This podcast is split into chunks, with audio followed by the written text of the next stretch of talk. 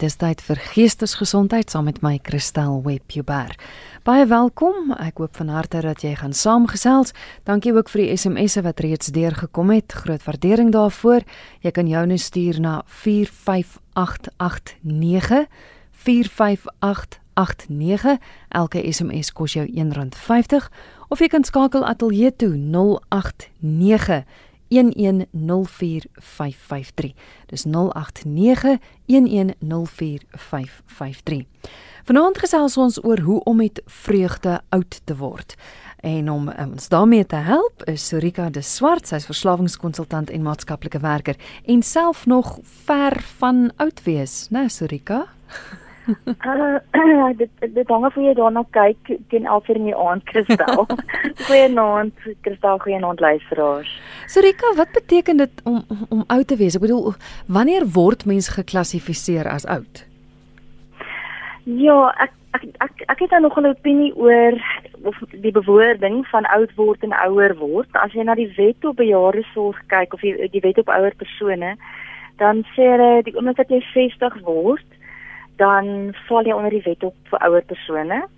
Ehm um, en dan kan jy begin aftree so van 60, 62 of 65 afhangende nou van of jy 'n vrou of 'n man is, interessant genoeg. Hmm. Ehm um, maar in werklikheid as mens kyk na die sielkunde en as jy kyk na fisiologie en so dan is is ouderdom eintlik net 'n syfer. Want dit gaan eintlik meer oor oor oor 'n persepsie, dit gaan oor hoe gesond jy is.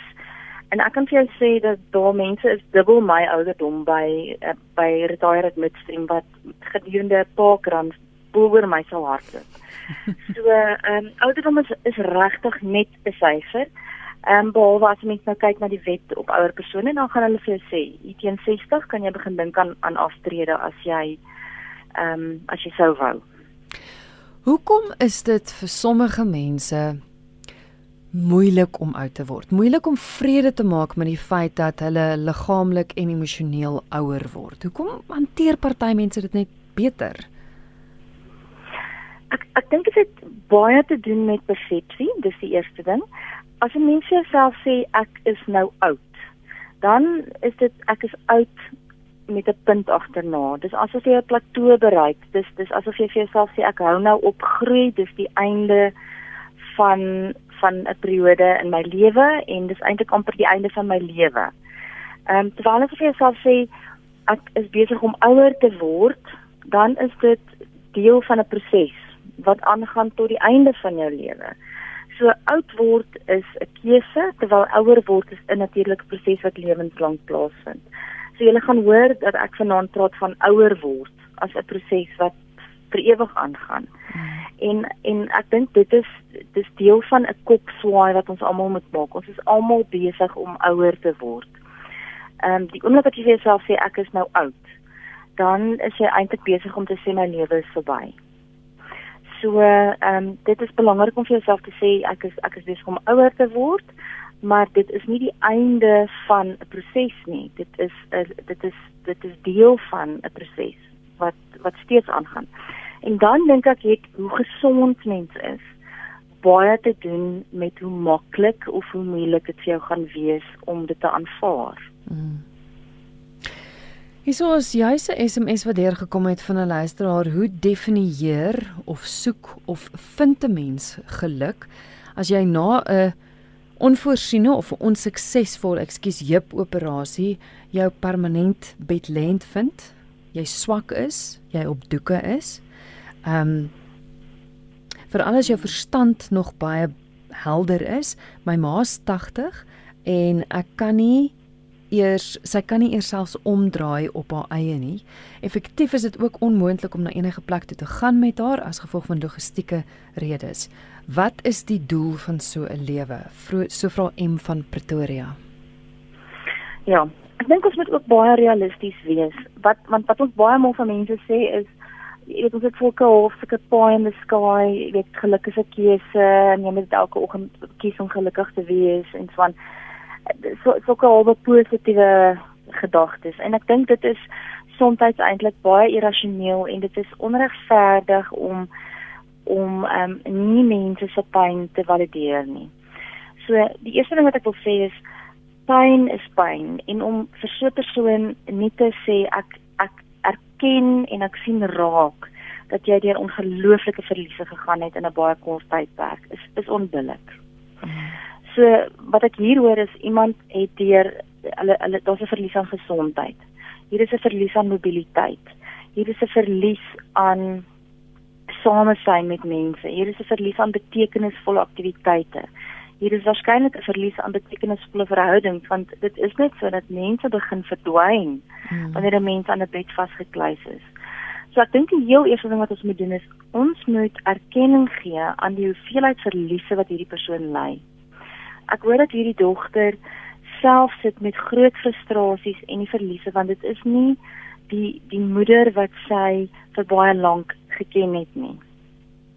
So wanneer ons mense se verliese ontken, dan doen ons hulle ook geen guns nie.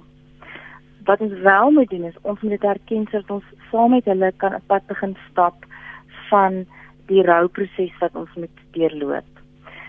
Dan is daar 'n geleentheid om te sê, "Goed, wat kan ons dan doen om dinge in te bou ek ek sê nie dat dinge ooit weer gaan wees soos wat dit was nie. Wat ek wel kan sê is kom ons kyk wat ons dan kan inbou. Maar ons kan nie begin om nuwe dinge in te bou wat betekenisvol is as ons nie eers die rouproses begin het nie. Hmm.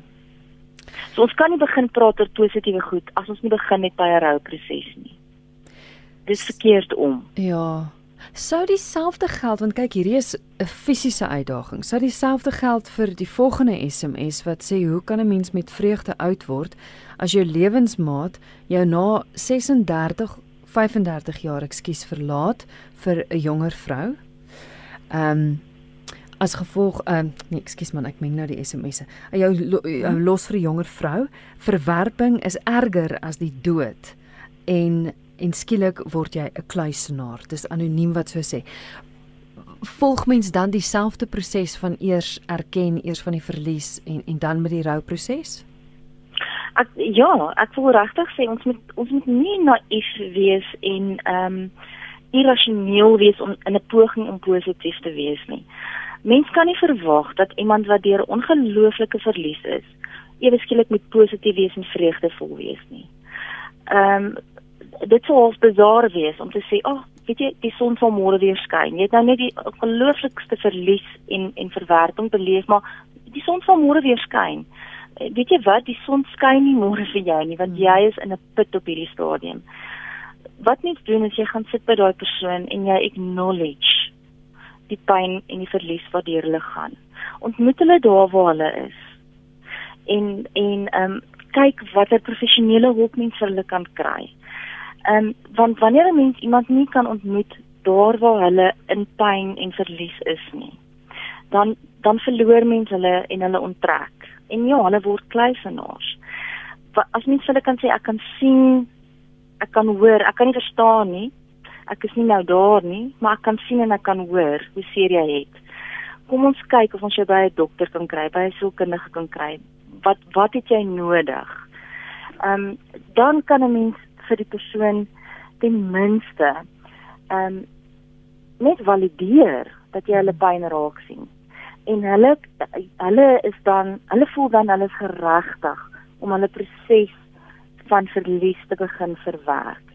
Nou daar's as jy die Elizabeth Kubler-Ross ehm um, se fases, ons almal gaan verskillend deur die fases, maar of jy nou 'n lewensmaat verloor of jy 'n troeteldier verloor of jy jou huis, jou werk, 'n ledemaat, jou gesondheid, wat ook al verloor. Daar's fases jy ons gaan en gewoonlik is dit min of meer, min of meer is daar daar's ontkenning en skok. Dan is daar partymal 'n uh, tipe van 'n onderhandeling of dit nou met God is of met mens. Dan is daar woede en depressie en hartseer en watter volgorde ook al. En as ons nie toegelaat word om deur daai fases te gaan nie, dan haak ons vas iewers. Mm by hartseer depressie of of, of skok of ontkenning. Ons moet toegelaat word om daar daardeur te gaan. Eers as ons daardeur gegaan het, gaan ons kan begin met 'n proses van aanvaarding. So ons moet mense toelaat om sinvol en betekenisvol en dis hoekom ons dit rouwerk noem. Mm. Om sinvol en betekenisvol hulle rouwerk te doen. Ek kry soms die idee dat mense juis die verliese met ouer word miskyk of nie dink dit is erg nie omdat dit deel is van die lewe. Jy tree af, jy kan nie meer bestuur nie, al daai goeters. Dit word so 'n soort van dis nou maar hoe dit is, jy moet dit aanvaar. En is waar wat jy sê, ja. daar word nie regtig aandag gegee aan die verlies nie. Daar word nie regtig gesê maar weet jy, ek verstaan dit moet vir jou moeilik wees nie, want dit is half asof dit net nou 'n deel van die lewe. Ja, en ek dink dit is hoekom hoekom daar baie maal omdat ons nie hulle vra. Ons vra nie. Inteendeel, ons begin bejaardes behandel soos kinders. Mm. Ehm um, ons begin daai die dieselfde tipe van ehm um, ek dink wanneer ek 'n tiener was, het my ouers op 'n spesifieke manier vir my hanteer. En wat nou gebeur is nou dat my ouers ouer word, begin ek hulle hanteer. Ehm um, asof hulle tieners of kinders is. So 'n mens gee hulle instruksie. Maar ek dink dit is tyd dat jy ophou bestuur. Pa, ek dink dit is tyd dat jy nou 'n verpleegster kry.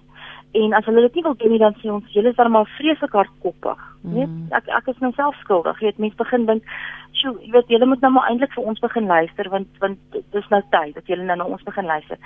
In steede van te vra, "Hoe voel julle oor ouer word? Hoe voel julle oor hierdie verliese?" Dis nou weet miskien is daar nog 'n tyd kom wat mense nou uit die huis uit sal moet trek of hoe hoe voel julle oor hierdie goeters? So in in eerste plek vra ons nie regtig hoe hulle daaroor voel nie. Nie omdat ons nie belangstel nie, net omdat ons half aanneem dat wel, jy weet, dis in elk geval die volgende stap. Dis onverwendbaar. So om daaroor te praat is eintlik sinneloos. Dis nie sinneloos nie. Ja. Hulle wil gehoor word. Hmm. So dit is baie belangrik om daaroor te praat dis belangriker om te luister. Absoluut. Ons gesels vanaand oor hoe om met vreugde ouer te word. My gas is Sorika de Swart. Sorika, wat sou jy sê is die grootste uitdagings van ouer word? Ek dink ons het hom ons het hom eintlik amper genoem en en ek dink dit is verlies. Ek dink nie ons het begrip vir die hoeveelheid verliese nie. Daar's verlies aan status, daar's verlies aan identiteit, die oomblik wat mens ophou werk daar is verlies aan identiteit die oomblik wat jou lewensmaat ehm um, iets iets oor oor sou kom of jy sou verlaat. Die kinders gaan uit die huis uit. Daar's verlies die oomblik wat jy jou huis verkoop en jy gaan in 'n kleiner kleiner plek in. Partymal moet jy 'n troeteldier ver, verkoop. Daar is verlies aan aan vriende die oomblik wat jy trek na 'n ander plek toe, na 'n ouer huis of 'n 'n 'n aftreeoord. Daar is verlies aan mobiliteit. Daar is verlies aan 'n motor daar is verlies aan meubels, daar is verlies aan fotoalbums wat skielik in 'n stoor moet ingaan. Hmm. Daar is verlies aan onafhanklikheid, aan vryheid. Jy is oorweldig deur tegnologie. So ewe skielik is daar 'n verlies aan selfvertroue.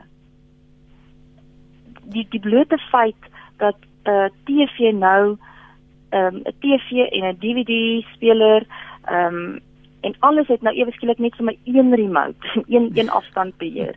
D dit is alles totaal oorweldigend. En dan dink ek pyn raak 'n realiteit en en en, en ouer mense voel hulle mag nie klaar daaroor nie. Hmm. Hulle hulle hulle het akute en kroniese pyn en hulle voel hulle mag dit nie noem nie.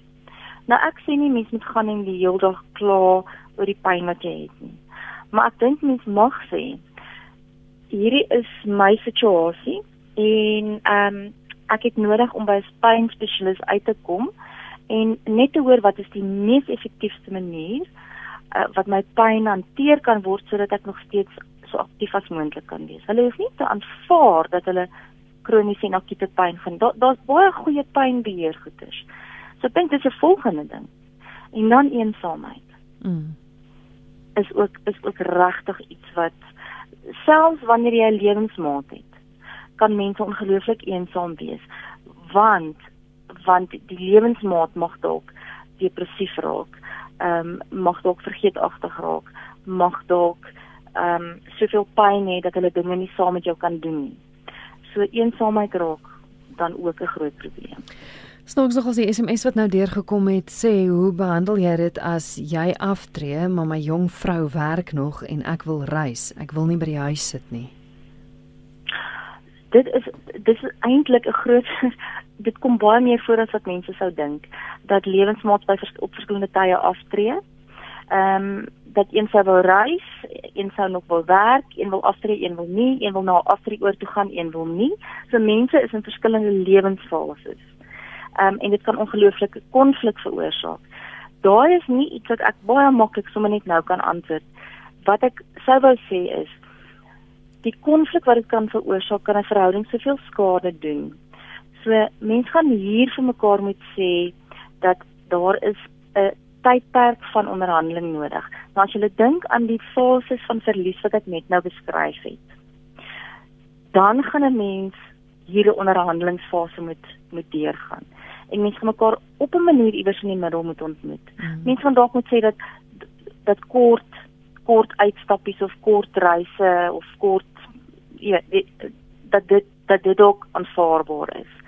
Ehm um, maar dat die plekke wat hulle eendag almal saam sou wou, albei saam sou wou gaan sien, Italië en daai tipe van goed waaroor albei gedroom het, dat hulle dit gaan hou vir wanneer albei afgetree het. Iewers te gaan mense kompromie dalk moet aangaan. Maar dis nie, ek meen dis nie 'n antwoord wat ek nou sou kan gee nie, maar dit twee mense gaan hier met mekaar moet onderhandel. Ehm um, en op dieselfde bladsy moet kom. Ons het nou vroeër gepraat oor van die grootste uitdagings verlies, pyn, eensaamheid.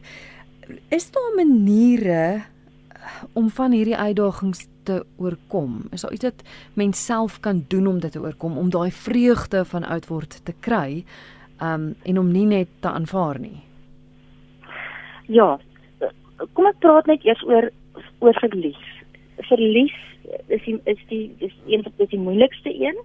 Maar wanneer mens jou verlies werk doen, jou rou werk doen, dan gaan jy by 'n punt van aanvaarding kan kom. Dis 'n proses wat moontlik is. Want dit is 'n proses wat in jou kop gebeur en in jou hart. Want jy gaan nie die verlies kan wegvat nie. Dit is 'n proses wat wat wel moontlik is. Die tweede een wat ek genoem het is pyn. Nou daar is baie verskillende maniere waarop pyn hanteer kan word met of sonder medikasie. Ehm um, of wanneer 'n persoon 'n bejaarde is, dan dink ek is dit algemeen dat pynmedikasie gebruik kan word. Mens wil nie iemand met verslaaf raak aan pynmedikasie nie en sommige van hulle het baie neeweffekte. So maar pynmedikasie word algemeen gebruik. Ehm um, op 'n verstandige manier sal sal dokters dit voorskryf, maar daar is ek gaan dit net vinnig noem. Ehm um, ek weet die program Huppel in jou stap het uh het in Februarie 'n hele program oor pyn pyn met ehm um, pynhantering sonder ehm um, pille. Maar as dit is radiofrekwensie, die afwisseling van hitte en koue, asemhaling tegnieke, oefening, massering, uh musiek, terapeutiese massering, akupunktuur, ehm um, jy kry 'n magiese pen, jy kry hipnoterapie daar is plakkers wat jy kan plak. Daar is 'n ongelooflike verskeidenheid van nuwe pyntegnieke en daar's pynklinieke ook byvoorbeeld. So daar is mens mens moenie jou vasstaar teen ehm um, ek kan net pille gebruik en as die pille nie meer werk nie dan moet ek dan moet ek nou maar net dood eenvoudig um, in in in akute pyn leef. Dit is nie noodwendig so nie. Ehm um, daar is maniere waar waarop dit kan kan verbeter. Wat eensaamheid aanbetref, wil ek graag die volgende sê. Ek voel dat 'n mens wanneer jy skuif, moet jy skuif wanneer jy nog redelik gesond is. En die rede hoekom ek dit sê is, wanneer jy verhuis, wil jy nie verhuis as 'n pasiënt nie. Jy wil verhuis as iemand wat nog redelik aktief is en kan inskakel en kan vriende maak. Jy wil diensbaar wees. Jy wil jou brood op die water werp, maar dit gaan na jou toe terugkom sodat die dag wanneer jy begin in jou bed lê of sukkel om mobiel te wees, gaan daar mense wees wat vir jou gaan diensbaar wees. Ehm um, dit ek ek ek sien hoe dit hoe dat mense na mekaar omsien. So wanneer jy skuif, skuif as iemand wat kan inskakel en deelneem aan aktiwiteite en kan vriendskap besluit wat weer wat wat van mense wat weer daar daar gaan wees vir jou. Ehm um, skakel in dit breek die isolasie. Dit help vir depressie. En wanneer mens inskakel en ek wil amper al sê raak betrokke by vrywillige werk. Wanneer 'n mens vrywillige werk doen, het dit 'n ongelooflike betekenisvolle effek op dis dis betekenisvol en ons het twee goed nodig om vreugde te ervaar. Ons het betekenisvolle aktiwiteite nodig en ons het betekenisvolle verhoudings nodig. Daai twee goeders is ongelooflik belangrik. So ja, ons bly in 'n kleiner huis, ons het minder geld, ons werk dalk nie meer nie. Maar vreugde bestaan onder andere uit daai twee goed. En eensaamheid gaan vir ons depressief maak, ons gaan meer bewus wees van ons pyn, ons gaan groter verlange hê na ons kinders of 'n lewensmaat wat weg is. Maar as ons daai twee goeders in ons lewe kan inbou, dan dan gaan dit reeds 'n groot verskil maak. Hier's 'n SMS wat sê: "Jammer vir pyn en verliese van ander. Ek is nou 77 jaar oud. Ek het polio gehad. Op 2 jarige ouderdom is ek gestremd. Ek bestuur nog.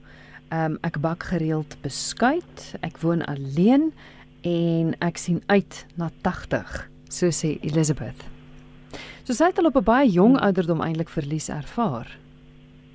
Ja, ek het 'n interessante uh, dit was vroeër, dit was in in verlede jaar, was daar 'n artikel wat ek en van die inwoners saam geskryf het oor ehm um, vreugdevol oud word en omdat ek nou nog nie self 'n bejaarde is nie, het ek nou baie staat gemaak op die die raad wat hulle gegee het. En daar's baie daar was baie interessante goed wat gesê was. Ehm um, en ek wil aansluit by die luisteraar en een van die goed wat gesê was is leer maar van vroeg af om met verlies uh te te deel. Mm. En so moenie moenie ehm um, en en en wanneer jy verwerping ervaar moenie jouself ehm um, moenie moenie dan nou alkohol gebruik om dit te verdoof nie. Leer om te deel met verwerping. En as jy iets nie reg kry wanneer jy ouer word nie, gebruik 'n bietjie kreatiwiteit en kyk of jy dit op 'n ander manier kan doen nie. So mens moet jouself eintlik skoei van van jonger af sodat wanneer jy ouer is dat jy eintlik redelik geskoei is om vir jou met jou eie geselskap, met 'n leerstelling, met 'n bietjie minder geld oefen hierdie goed sodat teen jou ouer dag dat jy nie dan vir die eerste keer daai vaardighede moet aanleer nie. Ons moet die vaardighede eintlik van jonger af reeds ehm um, in oefen. En dit was vir my interessant want 'n mens dit is dis inderdaad so dat as ons die lewensvaardighede van kommunikasie en konflikhantering en die hantering van teleurstelling en so aan as as ons dit reeds deur ons lewe aangeleer het dan sukkel ons nie soveel wanneer ons ouer is nie. As ek my eie geselskap kan waardeer, ehm um, reeds vroeër in my lewe, dan dan gaan ek waarskynlik nie so sielsongelukkig wees wanneer ek vir 'n tydjie met my eie geselskap moet wees wanneer ek ouer is nie. So mens mens moet maar ehm um, vroeg in jou lewe begin leer om voor te berei op alle maniere, finansiëel, sosiaal, pastoraal en en en so meer vir jou ouer dag. Is 'n SMS wat sê ek is 'n jong man van 36 jaar oud en ek voel soms klaar oud. Al wat my nog positief hou is 'n oom van 76 jaar oud in ons kerk in Rodepoort. Ehm um, hy neem aan maratons deel, aan fietswedrenne, aan bergklim met toue, rock climbing. Hy spring valskerm. Hy neem deel aan 'n klomp dinge en hy sê ouderdom is net 'n syfer. Dis Wimpie van Rodepoort wat so laat weet. Dit is ongelooflik. Nou, dis ongelooflik en wel vir vir Wimpie wil ek sê, ek ek verstaan dat 'n mens kan mens kan oud voel op 'n op 'n jong ouderdom en jy kan jonk voel op 'n baie ouer ouderdom. Hmm. Ehm um, en die interessante ding is dat ek vind dat baie van ons ouer mense is mentors vir jonger mense. En dis nog iets wat ek graag wil aanmoedig die hele gedagte dat wanneer 'n mens ouer is, is jy nie meer betekenisvol in die samelewing nie, is 'n totale vanopvatting. En ek daar's daar's al meer beweging daarna toe dat daar's soveel jong mense wat nie oumas en oupas het nie. Daar's soveel jong mense wat nie eers ouers het nie. En ons sit met 'n magdom ervaring, kennis, wysheid ongelooflike uh insig in in ons ouer mense. En as hulle sou uitreik na Wimpy en en ander jonger mense en vir hulle kan inspireer, dan het ek ongelooflik hoop vir hierdie land. Mm, absoluut. Is nog 'n luisteraar wat sê ek wonder of dit nie gaan help om in 'n diep gesprek met jou verliese te tree nie en om te om dit te leer ken, dit te herken en ook die maniere uh, te erken van hoe om verliese dalk onwelkom maar noodwendige vriend te maak. Ek ek hou daarvan ek dink mens kan dit nie ehm um, ontken nie. Nee. Mm. Mens ek ek ek is ehm um, daar's 'n stuk wat kom ek kom ek sê daar's 'n daar's 'n stuk werk wat hulle van praat wat hulle noem biblioterapie en dan natuurlik journaling waar mens skryf vir jou verlies. Jy skryf aan uh iemand wat jy verloor het of jy skryf ehm um, aan iemand aan wie jy skade gedoen het of jy skryf aan jou woede ehm um, of jy skryf aan iemand vir wie jy wil vergewe. En ehm um, dit is 'n manier om dit wat jy aan die binnekant voel te eksternaliseer. So dit is baie maal gesond om in gesprek te tree met daai deel van jou wat baie seer is. Mm. Om dit te bevriend op 'n manier. Dit dit werk nie vir almal nie. Party mense het doeteenvoudig nodig om te huil, party het nodig om te skryf, party het nodig om te dink, party het nodig om te praat, party het nodig om te bid. Elke mens het sy eie manier en sy eie tyd om met verlies te werk. Ja, en mens moet mens moet geduldig wees want dit is nie iets wat net dadelik kom nie. Nee, en ek wil baie graag hierso sê dat ek dink nie twee mense se verlies ja. ehm ja. um, van dieselfde tyd of dieselfde manier nie en ek dink nie ons het enigsins die reg om vir enigiemand te sê hoorie so dis nou 3 maande jy moet nou aanbeweeg nie. Hmm. Ja. Hier's nog 'n boodskap wat sê ek is nou 72, baie gesond en aktief. My kinders sien my as oud en is baie krities en voorskriftelik oor my oudheidse idees van van dinge doen. Ehm um, hy sê ehm um, volgens hulle wat tot groot konflik lei. Ek het die houding los my uit en ek laat my nie deur my kinders voorskryf nie ehm um, hoe om my lewe te leef nie. Dis Hendrik van Port Elizabeth wat so laat weet het. Ja. Kyk, ek dink dat ehm um, elke mens geregtig is op hulle opinie. En mits mens nie 'n uh, huis deel en daarom gedwing word om kompromieë aan te gaan nie, is elke mens werklik geregtig op hulle eie opinie. Ehm um, al wat ek wel hier kan sê is dat 'n mens soms moet besluit wat is die belangrikste, die verhouding of die beginsel. Ek ek het 'n tienerseun, hy begin môre met matriek, graad 12. En soms moet ek vir myself sê, wat is nou vir my die belangrikste, die verhouding of die argument, die beginsel? En soms is dit die beginsel en soms is dit die verhouding. So, ehm um, dit is maar iets wat 'n mens individueel in in in omstandighede moet besluit. Mm.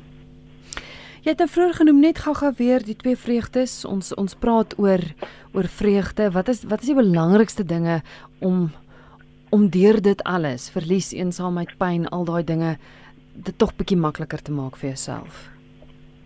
Ja, dit is dit is interessant hoe dit mense vir my sê.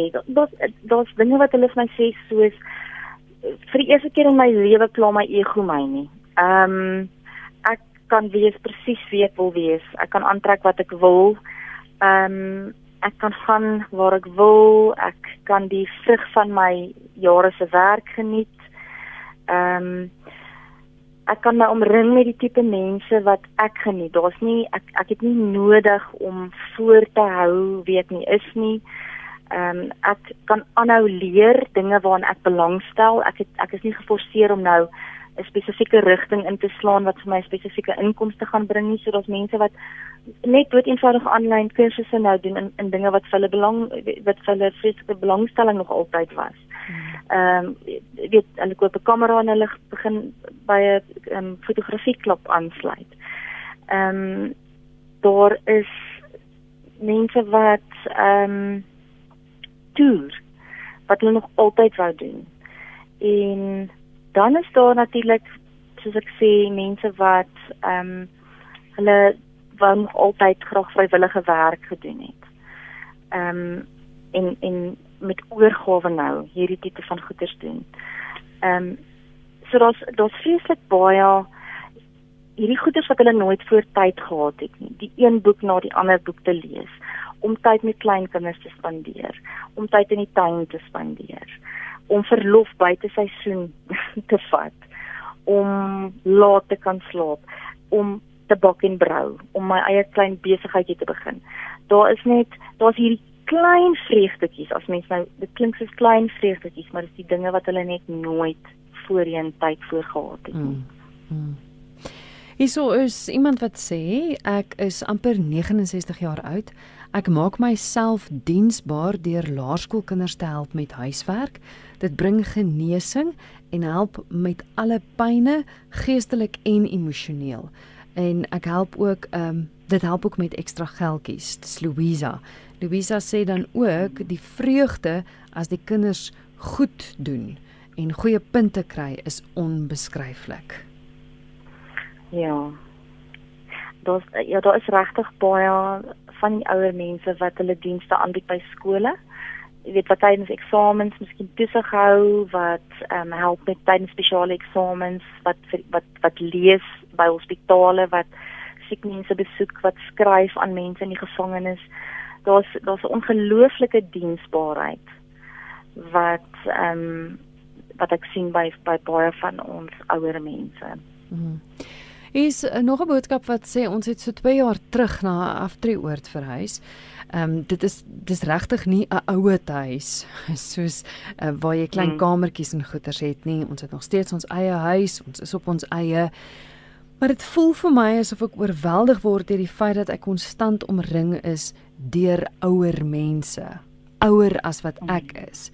Ek word ook konstant gekonfronteer met die dood, want elke nou en dan hoor jy van nog iemand wat saam met jou in die aftreeoord is wat oorlede is. Sou dit wees dat ek bang is omdat ek weet dis wat vir my voorlê? So vra die luisteraar. Ja, dis 'n interessante uh, opmerking want 'n deel daarvan is die realiteit. Die oomblik wat 'n mens trek, trek jy in 'n uh, mens, mens kan vir jouself sê dis die laaste keer wat ek trek.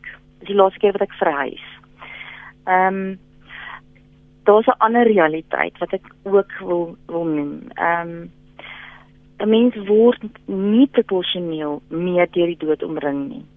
Ehm um, in in in in my ouderdom groep ehm um, het ek actually in die laaste 2 jaar meer mense aan die dood afgestaan as wat van die mense in in die afreoord rondom my aan die dood afgestaan het.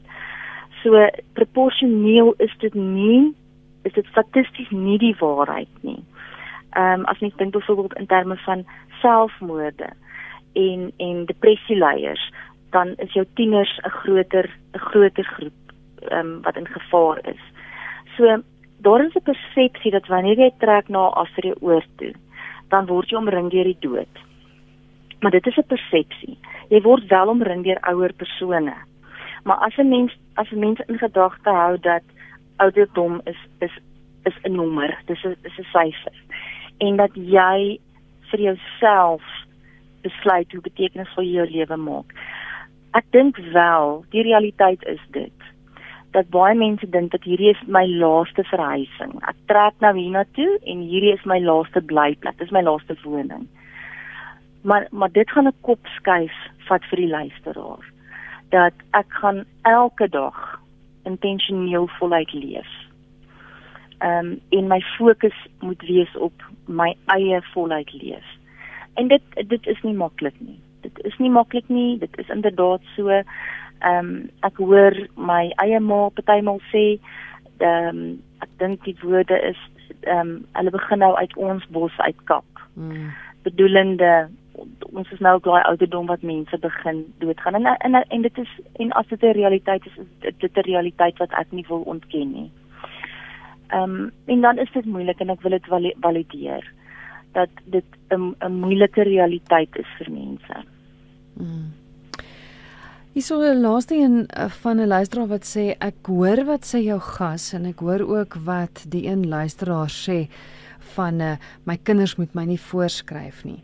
Maar wat gemaak as jou as jou ma regtig oud is en regtig nie meer agter 'n stuurwiel hoort nie. Mm. Ek sê hierdie dinge omdat ek vir haar omgee en omdat ek nie wil hê sy iets moet oorkom nie en ook nie vir ander mense pyn veroorsaak nie. Waar trek mens die streep tussen om voor te skryf vir jou ouers en om die werklikheid in die oë te kyk? Ja, dit is 'n baie baie dankie vir die vraag want hier daar is daar is dit in van mense 'n streep 'n streep trek en wat ek wat ek sou sê is dat 'n mens vroeg genoeg moet begin. So ehm um, daar is eintlik twee baie oulike boeke wat ek vir die luisteraars wil aanbeveel. Die een is vir moederlose kinders en die ander een is vir die die ouer persoon self. Ehm um, ek dink mense moet die gesprekke redelik vroeg begin sodat 'n mens ehm um, vir jou ouer kan sê sal jy vir 'n skrywe gee dat ek sekere besluite vir jou kan neem wanneer jy nie meer daai besluite kan neem nie. Ek dink dit is belangrik dat daai dat daar so 'n skrywe is. Ons noem dit 'n advanced directive of a living will. Want sekere besluite moet oor finansies geneem word, sekere besluite moet oor ehm um, gesondheid geneem word, oor bestuur, oor verblyf en daai tipe van goeders. Nou daar is 'n boek wat hulle noem The Loss of Self wat deur Dr. Donna Cohen geskryf is dit is dit is 'n boek wat ek regtig vir elke ouer persoon sal aanbeveel om te lees.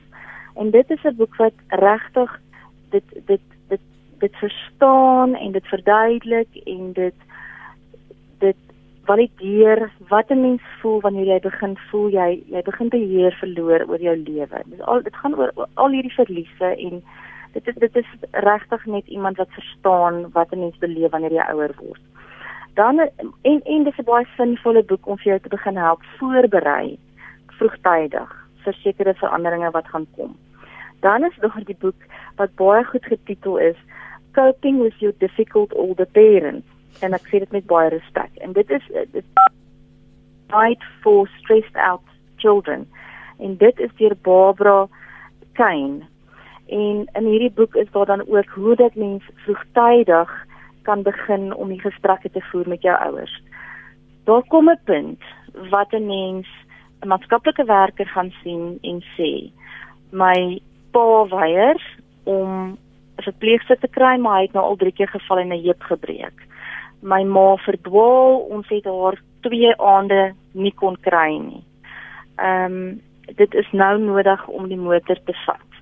Ehm um, of die motor se sleutels te vat.